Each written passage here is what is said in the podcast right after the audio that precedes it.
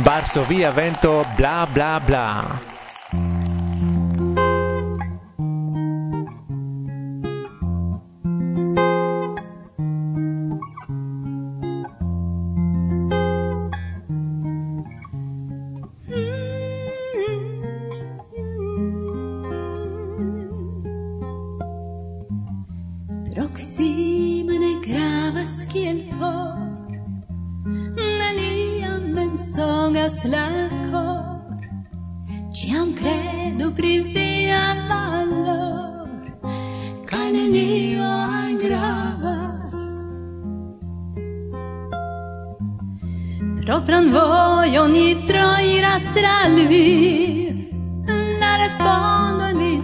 você.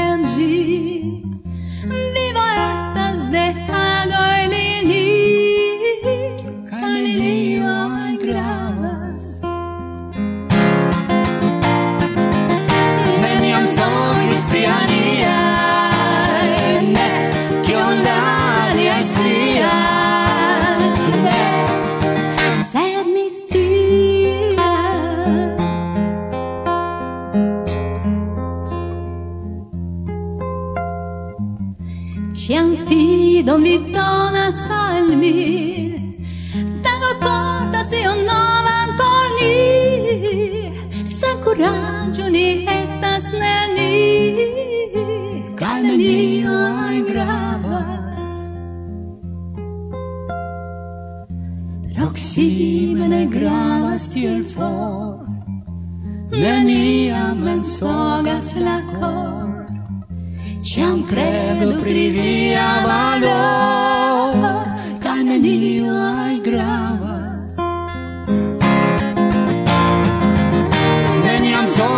pri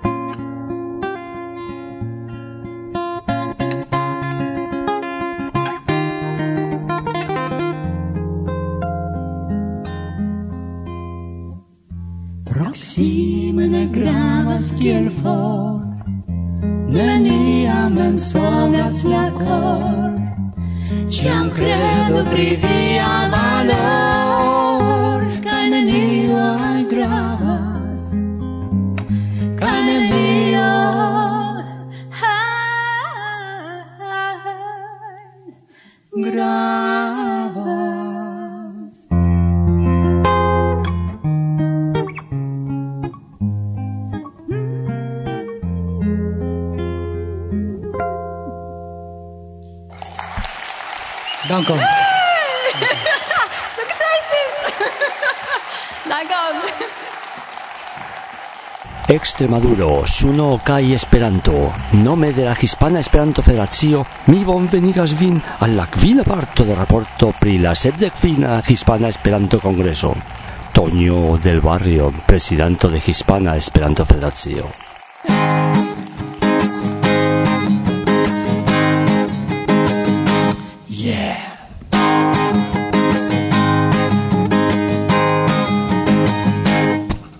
esta joma.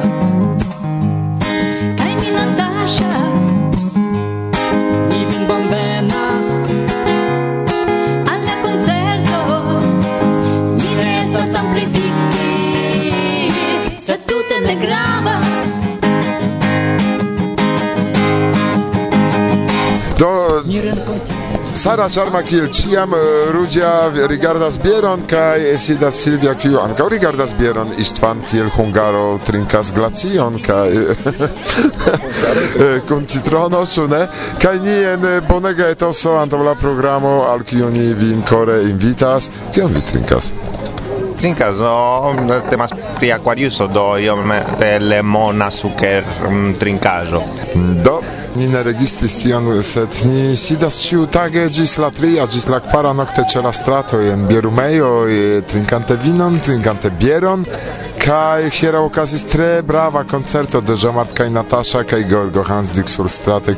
Multaj i komencis filmi, komencis rigardi, aŭskulti kai kanti kune kun ni. Estis absolute freneza etoso. Neniu deziris iri dormi eĉ tiu kiu estis posedanto de la restauracio estis kaptita kai filmis Jean-Marc Natasha cantanta la kanzonon de Metallica. Do morgaŭ ni ne renkontizos kiel la provizora studio, ĉar estas forvetur tago kaj ankaŭ ekskurso por multaj.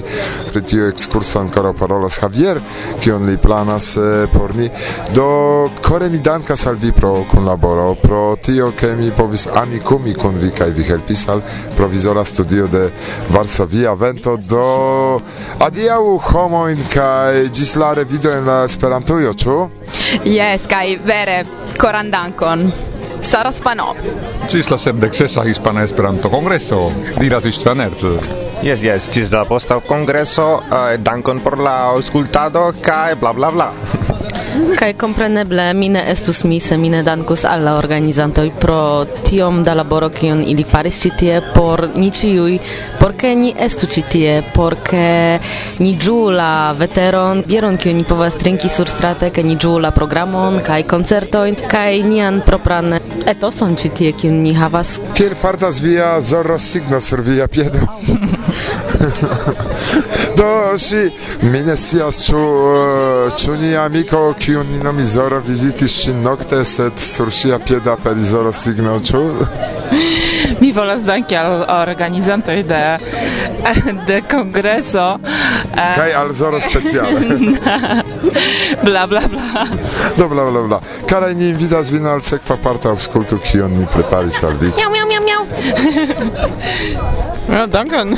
Koran dankon denove. Dankon kaj ĝis. Danke con al cioi. Do almeno unu redakciano ne estos sub influo de biero kaj temperaturo circa ni estas vere hispana. Bonan aŭskultadon. Bla bla bla. De la tuta mondo.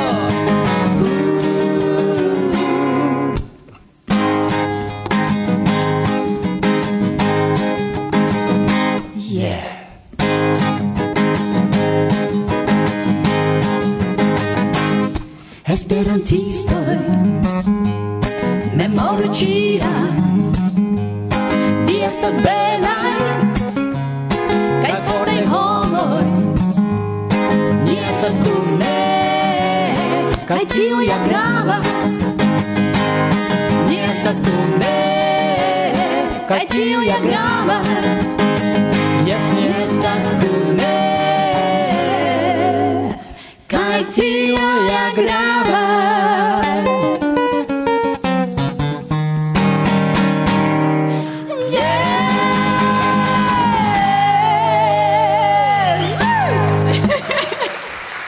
dankon. Dankon! Vi estas belaj, vi eh. estas ĉarmaj. Ege. Eh. Saluton, kiu vi estas? Mi estas Carlos, el Málaga. Kial vi decidis veni al sepdek kvina Hispana Esperanto Kongreso? Ah, mi eh, laste kutimas veni al tiu festo de la Esperanta. Mi cian legis que la congreso devas esti la festo de Esperanto eh, kai vere certe mi juis tiun congreson kiel vera festo de la Esperanta movado en Hispanio kai en la tuta mundo chal multai ankaŭ el Europo venis ĉi tie por festi kun ni ĉiuj kune Esperanton. Kiaj estas viaj impresoj? Eh, mi jam diris, estas alt kvalita kun multaj homoj kiuj tre bone parolas Esperanton, kiu estas mirinda kaj ekzemplo por ni ĉiuj elegi kaj prelegi kaj ankaŭ partopreni en la Esperanta movado kiel aŭdanto aŭ eĉ kontribuanto de tiu movado. Mirinda. Kiun programeron vi plej ŝatis? Estas malfacila diri, ĉar unue venis al mia memoro Acetre grupo ankaŭ la distra programo de la kongreso estis tre altkvalita. Eh, fakte Jomar kaj Natasha estis mirinda. La prelegoj de Jose Maria Miguel Fernández ĉiam tre verba kaj tre emocia kaj tre vigla, tre mirinda mirinda afero. Kiun vi volus saluti? Unue Javier, kiu estis la homo kies fido ciam en tiu congreso atingis veni kai tia in homoin el la tuta mondo kiu venis ĉi tie contribuanto i kai organizanto i organizantoj kiuj poste aligis kai permesis kiel Cani, Tonio kaj ĉiuj alia. Mm, eble vi volus saluti viajn amikojn aŭ malamikojn ankaŭ por diri kai in vorto in alla mondo. Ah, bueno, mi po profiti tion por inviti ciu in ausculti Varsovian venton. Mi men faras tion kai mi multe ĝojas gravas pro tio kai danki al vi chefe Varsovia vento kai anka rekomendi al ĉiuj miaj amikoj auscultu Varsovian venton Dankon, dankon al vi, ke vi aŭskultas nin, char sen vi ne estos ni. Yes. Bla, bla, bla. dankon. Antau mi gasto el eh, alia continento, Mi estas Duncan Charters, kaj mi loĝas en Usono. Kio impresas vin dum la kongreso? Nu, ĉi tiu kongreso estis aparte impona pro la artaj aranĝoj, ne nur beletrai, sed ankaŭ tiom da cantado Mia edzino tre interesigas pri musico, kai shatas novan musicon, kai ankau malnovan chunedo Ni ambo ege giuas tion, sed ni ne attendis ke estus tiom da varietzo kai tiom da profesiezzo en la presentado de plei diversai canzonoi, kai aliae aferoi kiwi montras kio estas la esperanto kulturo chune pri cantoi kiwin oni componis, kai verkis nur en contexto de Esperanto kaj ankaŭ aliai canzonoi qui estis inter la preconata en la tuta mondo. Ni, ni giuis ambau en tiu congresso. Ca tio tre impressis min, ca tio ancao respondas al, al nia besono senti Esperanto nau senti grava in afero in pere de Esperanto kai pro tio tio impressis min. Se tamen tio estas afero kiu konstante existis en la Esperanto movado en la hispan parlantaj landoj por ili la literaturo la musico, la poesio, cio estas grava, ca ciam oni cunigas cian, ciune, ciam oni vercas poemoin, cae componas, cae giuas presenti, kai anca ne nur presenti, sed inclusivi la gelernantoin, uh, se estas seminario, exemple, kai ni havis quelcain sesioin en kiwi musicistoi helpis al ni lerni au kiel componi, kiel verki, facilan musicon, exemple por infanoi, au skiel simple partopreni pli bone en concerto, ca jo marca Natasha exemple preparis nin por concerto in kiu ili donis kvar cantoin con kiu ni mem conatigis antaue en la ateliero kiu ili donis al ni. Do tiui aferoi facte estas iom unicai. Mi shatis la amo seminarion, kiu ni havis comence la congresso, tar tio estas la seminario por activula maturigo tio shainis a mi utila kai ancao pri multaj aspectoi de kiel ni comunicas la ideon de Esperanto al aliai personoi. No? Tio impressis min kai ancao mi shatis esti en la hispana contexto, char mi instruas la hispanan lingvon kai kulturon kai literaturon kai por mi estis tre interesse vidi kai audi kio estas grava por la hispanoj kaj kiel ili mem komunikas sian amon al Esperanto al aliaj, ĉu ne? Do mi povas nur aldoni Varsovia vento, bla bla bla. Mi estas Chus, mi estas eh, kun redaktisto de Hispan Lingua podcasto Una Vaga Idea, kaj civitano de la mondo. Kial vi venis al tiu ci belega urbeto? Kial ne? ci tie estas buntega kulturo kaj ankaŭ Esperanto. Kial ne? Kio plej plaĉis al vi dum tiu ci kongreso? Plaĉegis al mi la koncertojn kaj ankaŭ la alveno de homoj el aliaj landoj kiuj tute mi ne spertis en aliaj hispanaj kongresojn. Kiu koncerto estis la plej interesa? Por mi tiuj eksterkongresaj koncertoj ĉe trinkeje kun improvizite kiu estis ege amindaj. Ĉu interesis vin prelegoj ekzemple aŭ iujn rakontojn aŭ diskutojn? Kompreneble, estis la amo seminario, kiu estis sufiĉe interesa, kaj ankaŭ tiuj omaĝoj pri la Iberia skolo kiu estas bonega grupo. Mi supozas, ke vi partoprenis ĝeneralan kunvenon de HEV? Ah, uh, yes. Ĉu vi povus malkaŝi al aŭskultantoj kie estas la rezulto de balotoj kaj kio okazis dum tiu kunveno? Nu, nia moŝta prezidanto daŭre estas en la posteno kaj ni havas novan kasistin kasistinon kaj sekretarinon kiuj mi pensas ke faros ege bone. La prezidanto estas Toño, tiu José Antonio del Barrio, la sekretarino estas Águeda Biurrun kaj la kasistino estas Rosa López. Ĉu vi saluti iun? Eh, mi volas saluti ĉiujn. Mi ne scias ĉu ni havas eh, sufiĉan tempon. Eh, mi, Ni havas ankoraŭ kelkajn tagojn ĉi tie, do neniu problemo. Saluton al ĉiuj, bla bla bla. Opinioj ŝanĝiĝas, ĉe homoj kreskas kaj maturiĝas. Yes.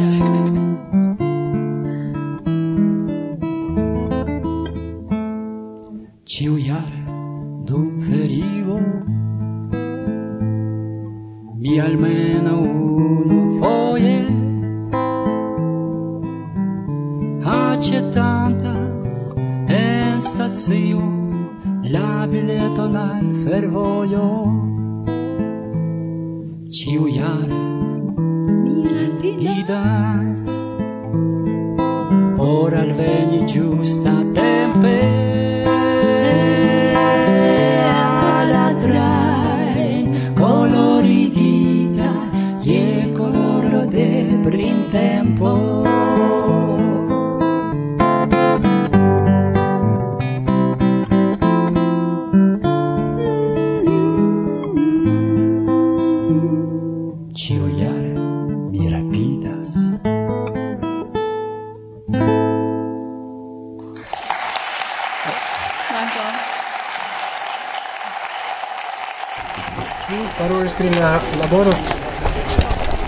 Kadre de la sepdek fina Esperanto Hispana Kongreso mi sidas, rigardas belan naturon kaj kion mi vidas. Ĉu? Oh, uf, varma, oh, varma. Do mi deziras demandi pri viaj impresoj, ĉu vi ĝuas tiun tempon, ĉu vi ĝojas pro tio, kiel plaĉis al vi vian koncerto? Bone, oh. varme, multe. ege, ege, ege, gege, ege, gege. Mi giois kaj gioias kaj ĝoos. Kaj mi vidis vin hieraŭ dum la koncerto, vi pli longe ludis ol kutime al la publiko. Estis kialo? Yes. Jean Marnon malkovris ke oni registras nin kaj li estas surprizita kaj anko. Ĉu ne? Estas perfekta kongreso, estas um, do ni ĝuas ĉiun tagon, ni ege malmulte dormis kai hiero es nia concerto fin fine ni povas esti liberaj kai um, ĝui malvarmajn trinkaĵojn kaj drinkaĵojn Yes. Do, do mi memoras tion renkontiĝon post koncerto, kiam ni sidis ĝis la tria nokte ĉe la strato en restauracio kaj evidentiĝis ke multaj kantas kun vi, eĉ lokuloj aliĝis kaj aŭskultis vin, kiam vi ludis metalika kanton. Ah, yes, do. Iomete eh, pop, rock, influo. No, estas ideo, es nia nova ideo, nia eble nova progetto, kiu ni faros ciare au sequantiare. E faros iun eh, popain au rockain eh, famain cantagen, kai, cantagen, kai, uh, je martigas eh, ilin. Do vi aŭdas naturaj cirkonstancoj de la kongreso, ĉar homoj venas tie kaj ren kaj Do ĝuni la tempon trinku trinkaĵojn, ĉar eh, post momento ni havas sekvan programeron koran dankon pro kelkaj impresoj. Eh. Do ĝis poste kaj dankon. Dankon pro ĉio kaj espereble ni renkontiĝos multfoje. En Hispanio en Hispanio, yeah! Hola! La bancoi baldau pereos. Vi ciui shuldas unu alla aliai, cae baldau ocasus falo. Post momento, ce via pordo svarmos vico da homoi, ciu provos reaciri sian monon. Cae la unu sola afero, cium vi povas fari, estas schlossi vin en la cabineto, cae pregi, che ili ne dispecigu vin pro la colero. Sed tio ocasos, sed jam ne plu gravas. camarado, donu crediton al mi, al naibaroi, conatuloi, al vi mem, al ciui, Ne timu, la homoi estos dankemai, ĝuu la lasta spiro in de no capitalisma sistemo kaj ludu la rolon, kiu honorigus vin. farigiu hero Hero. Yes!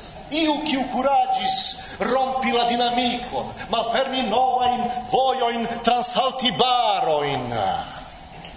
Yes, mi povus fari tio. Cial ne? Estu curagia, ne pensu pri la respondezzo. Vi ne estas kiel ili, vi estas bona homo, kiu povas felicigi la aliaen. La mondo, basita sur economia politico falos et se vi. En via modesta brancho limigos la creditoin. Pri tiuj aferoi ne decidas ni. Ili okazos en stratosfero fore de nilo materio. Subscribu creditoin amico. Mi pagus multe por tio. Compreneble ne Yes, mi povas pro tio vi estas ĉi tie malfermi la cranoin, vi havas povon fari tion, cae sursuti najbaroin per monbiletoi. Clare, ciui amos vin, organizos por vi surpriz festoin. Mi ne shatas surpris Ne gravas, ne gravas, ne gravas, ne gravas. La homoi shatos vin, Sur strate ili diros alla infanoi, rigardu la signoron, dank ali li, vi ludas per electra traineto. Electra traineto? Yes, electra traineto. Vi realigus homain revoin. De la infanoi cae plencresculoi. Per unu via subscribo. Kiel Papa Noel! Santa Claus! yes! Nun mi compre Temas pri tio. Yes. Nun mi comprenas cion Yes. Vi opinias min esti idioto. Yes. Tute ne. Yes, yes. La sepdek fina hispana Esperanto kongreso kaj jam vi aŭdis kelkajn intervjuojn kun poetoj, kun verkistoj, kiujn oni povas ĉiujn nomi iberaskolo. Kaj antaŭ mi estas homo, kiu ne nur okupiĝas pri literaturo, ne nur okupiĝas pri poezio, sed ankaŭ pri tio, pri kio forgesas multaj homoj pri informado, Sed ec de comenzo unue presentigiu. Mia nomo estas uh, Miguel Gutierrez Aduriz, tio estas mia vera nomo, kai eh, mia unua pseudonomo estas Livendec, poste venas plurai aliai Esvenatum, Maria Zocato, cotopo, cotopo. Do, mi estas parto el la tiel nomata Ibera Scolo, quancan ni shatas nominin Ibera Grupo, char facte ni estas grupo de homoi el Iberio, cae tio estas la simpla afero, ni ne rigardas nin vera escolo, Tamen, en la esperanto movado, kiam aperas grupo de personoj kiu faras la saman beletran agadon, oni konsideras tion skolo, do ni akceptas al nomon Kaj jes, vi parolis prave pri tio, ke mi okupiĝas pri diversaj aferoj. Ne temas nur pri tio, ke mi verkas, kiu estas mia plej amata ĉevaleto, sed ankaŭ pri tio, ke Mi occupigas anco pri informado, pri la tenado de canaloi, mi creis plurain canaloin en YouTube, kai pri informado ie alia scalo. Fakte, anca mi vercas lernolibroin, la nuntempe usata lernolibro en Hispanio estas farita de mi, Esperanto curso basico, mi faras vortaroin, ĉar mi estas homo de comence, iom conscia pri la mancoi cae la besonoi de Esperanto, cae mi difinis al mi certan linion de agado en kiu mi devas prisorgi giuste, che estu suffice da instruiloi, suffice al nivelai, kai alla atingo povo de chi eble plei multe da homoi, ancau pri informado, ancau pri creado de serio, serioi de literaturo, de hispana literaturo, kio aperis pos mia considero char em, sia tempe oni pensis pri creado de antologio kai mi definis che antologio estas tre malfacile farebla char oni bezonos multe da tempo multe da energio kai estas multe pli facile fari serion el libroi kai tiel naskigis la hispana literaturo tiu libro serio kiu jam en havas dec volumoin kai kiu nun transiris alla bita stato, tio estas al eh, electronica formo, kun la apero de Don Quixoto, kiu estis presentita en citiu congreso, kai bone, mia agado estas en tiu linio, sed mia preferata agado estas verkado jes ja. Do ni parolas pri literaturo, eble vi havas literatajn in por presenti ion de via laŭ aŭskultantoj. Vi havas ion libreton nun.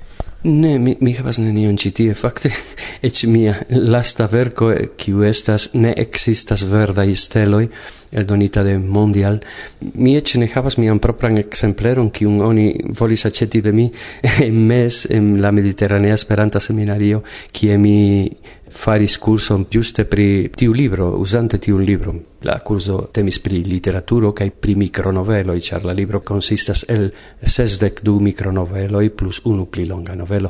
Yes, fakte mi vercas micronovele, sed eh, mi preferas scrivi novelojn, che novelojn, kiel ti tiuj aperintaj en extremoi kiu estis la dua volumo post Ibere Libere, tio estas post la poesia libro, venis prosa libro. che estas tre interese la maniero kiel ni elkovis gin ĉu ne? Kiel ni elpensis che kiel ni diris, nun post la apero de la succesa apero fakte vere estis sukcesa apero de Ibere Libere kial ni ne verku uh, novelo in Cotopo kai in Barcelono ocase de iu aranĝo tie kai ni convenis civi sidis kai estis vino compreneble kai estis biero kai ni ridis ridegis kai ni parolis bone ni verku pri ok i temoi ciu po unu racconto pri la sama temo, exemple, sexamen contentigio, che ni ridis ciù ne pritio, char ni sentis nin iomete infanezza ludante per tiui afferoi,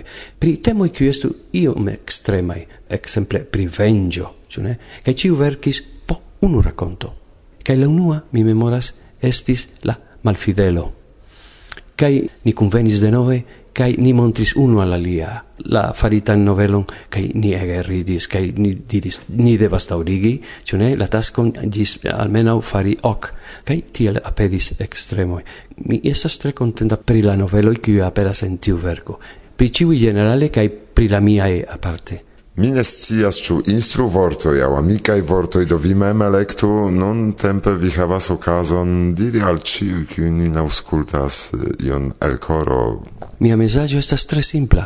Bonvolu legi, ĉar la homoj ni verkas kaj verkas izole. Cai se ni ne ricevas de vi iun ecigon ke vi ion legis cai shatis au mal shatis, che vi comprenis au ne comprenis, ke tiu causis al vi simple miron au rifuson, do se ni ne ricevas tiun impreson shainas quasau nia tuta laboro estis iom vana, ĉu ne? Kaj mi estas tre kontenta kiam homo venas al mi kaj diras: "Mi legis tiun rakonton kaj ĝi kortuŝis min, aŭ mi multe ridis pri tio, kion vi esprimas", kaj ni bezonas che la homo legu, cia se la homo legas, do vi kiu ascultas min legas, tio signifas che ni povus denove verki, ni emos denove verki, kai se vi estas kritikemai, bone criticas, ni povus fari pli bonajn vercoin, kaj se ni faras pli bonajn vercoin, tio estas pli bone por nia literaturo, tio estas pli bone por Esperanto, tio estas pli bone por ni ĉiuj. En la provizora studio, kiu nuntempe trovigas en Hispanio, dum la lasta nocto de la sepdek quina Hispana Esperanto-Kongreso, parolis al vi Irek Kai Miguel Gutierrez Aduri Livendek. Koran dankon pro intervjuo kai dankon pro via laboro, kiun eh, sendube vi ankaŭ malkovros en la reto post kelkaj tagoj aŭ semajnoj, ĉu ne ĉio dependas de nia libera tempo. Dankon. Dankon al vi, Irek.